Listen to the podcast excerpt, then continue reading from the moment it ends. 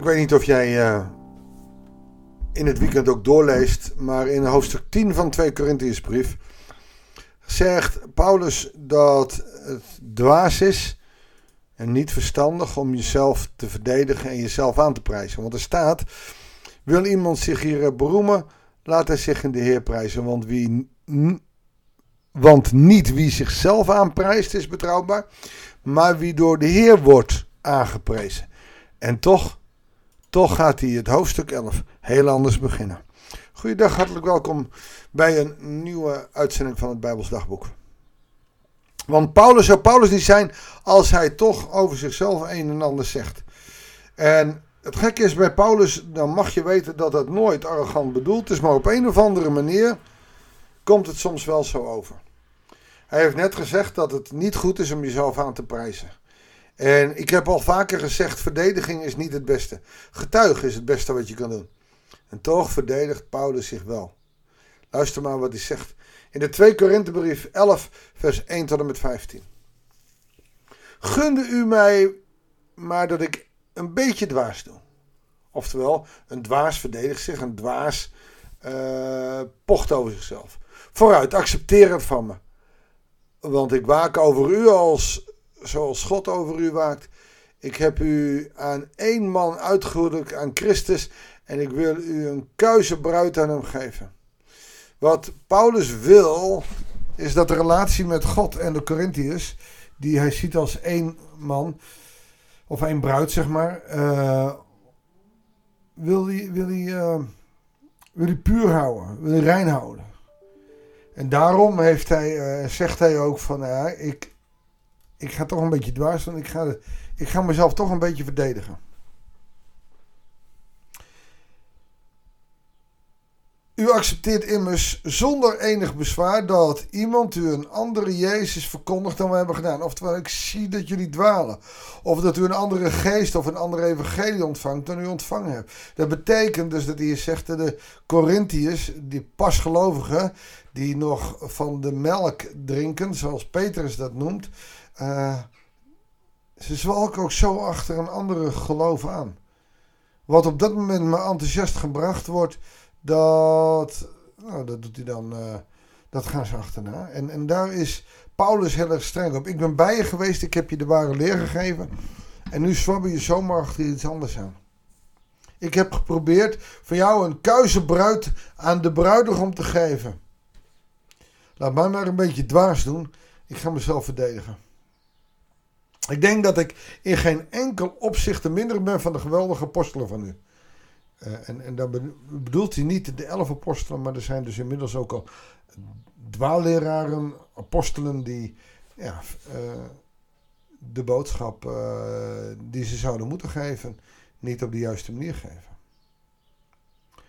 En hij doet er niet voor onder, zegt hij. Ook al ontbreekt het mij aan welsprekendheid, nou dat zie je niet in zijn brieven, kennis bezit ik genoeg klinkt voor arrogant, maar hij stelt zich tegenover de dwaalleraren. Dat heb ik u meer dan eens op allerlei manieren bewezen. Of heb ik soms een misdaad begaan door u zonder enige vergoeding Gods evangelie te verkondigen? Oftewel, het heeft je niks gekost. En wanneer ik me daar vernederd heb, daarmee, was het alleen om u te verheffen.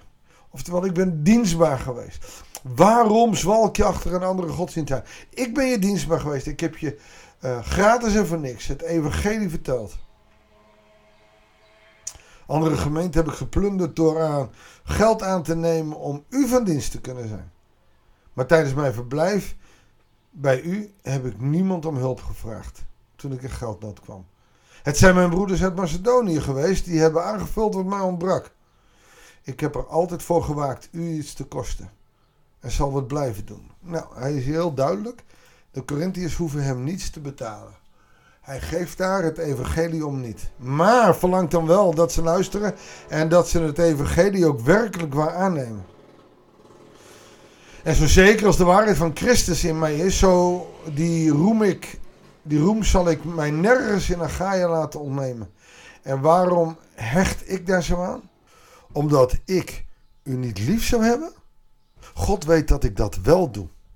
En hier zie je dus dat hij heel streng kan spreken tot de Corinthiërs, maar dat hij, net als God, mensen lief heeft. God kan in zijn liefde heel streng zijn tegen mensen. God kan in zijn liefde heel streng zijn tegen jou en tegen mij.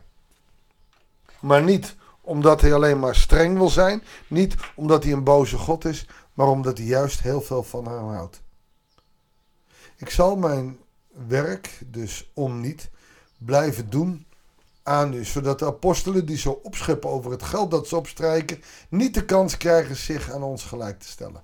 Daar komt weer het majesteits meervoud aan ons of aan de broeders die hij mee heeft. Schijnapostelen zijn het. Die zich door oneerlijk te werk te gaan voordoen als apostelen van Christus. Waarom? Het was natuurlijk mooi dat er gecollecteerd werd en dat de apostelen werden onderhouden. Dus er hebben mensen die iets van God gehoord hebben, een eigen theologietje opgezet, zodat ze werden onderhouden. Zodat ze niet hoefden te werken, maar alleen maar een blijde boodschap hoefden te verkondigen. Alleen dat is niet de boodschap van Jezus. En de Corinthiërs, die stonken erin. En het ligt dus voor de hand dat ook zijn dienaren zich voordoen als dienaren van de gerechtigheid. Maar ze zullen krijgen wat ze verdienen. Hij is dus heel streng naar die valse religies. En ik denk dat dat voor ons land ook wel geldt. Ook in ons land zijn er valse profeten. Want je kan dan wel uh, yoga als een uh, soort van gymnastiekles doen. Er zit een theologie achter die uiteindelijk jezelf helemaal uitmergelt. Boeddhisme, ach, we voelen ons zo zen. En we hebben niet door dat we met een andere godsdienst bezig zijn. En Paulus zegt, je moet met Jezus bezig zijn. Heb je rust nodig? Ga met Jezus bezig. Betekent niet dat je niet mag sporten. Je mag best gymnastiekoefeningen doen. Maar haal het niet vanuit een andere religie. Haal niet die religie erbij. Want dan, dan ga je eraan kapot. Ik denk dat ook in deze tijd er verschillende dwaalleraren zijn. En hoe ga je die nou onderscheiden? Nou, het belangrijkste is dat de boodschap vanuit de Bijbel wordt verkondigd. Als je dat doet, kan iemand nog heel raar zijn of, of dwaas zijn. Maar uiteindelijk zal het goed zijn omdat het de boodschap van de Bijbel is. Wanneer iemand heel erg vrij dat gaat interpreteren, dan moet je weer uitkijken. Want het moet wel bij de Bijbelse boodschap blijven. En het moet geen thema zijn wat wij mooi vinden, zodat we dat in de Bijbel leggen. Nee, de Bijbel moet ons het thema aanbrengen. En moet ons vertellen hoe wij moeten leven. En dat betekent dus als jij dicht bij God leeft en dicht bij de Bijbel leeft, dat jij dwaalleren altijd kunt uitbannen. En ik vind het van ontzettend groot belang dat je altijd kritisch luistert dat is naar deze podcast. Naar gisteren, toen je naar de dienst ging en eh, een dominee begon te luisteren. Ook daar, wees kritisch. Luister je naar mij, wees kritisch. Slik niet alles voor zoete koek, maar ontvang wat je krijgt. En doe daar je voordeel mee. En wat je niet mee eens bent of wat je niet wil, doe dat van je af. Laat dat gewoon gebeuren. Laten we God bidden of Hij ons daarnaast ook de geest van wijsheid wil geven. Om op een goede manier met het evangelie bezig te zijn. Vader in de hemel, dank u wel dat u naar ons omkijkt. Dank u wel dat u ons uw geest geeft. Wil ook de geest van waarheid geven, Heere God, om te onderscheiden wat verkeerd is, wat niet van u komt en wat wel van u komt. Heer wil ons met die geest van wijsheid laten werken, zodat we niet onze eigen ik volgen, maar dat we uw wil proberen te volgen. Zegen ons zo. In Jezus' naam. Amen. Dankjewel voor het luisteren. Ik wens je God zegen en heel graag tot de volgende uitzending van het Bijbelsdagboek.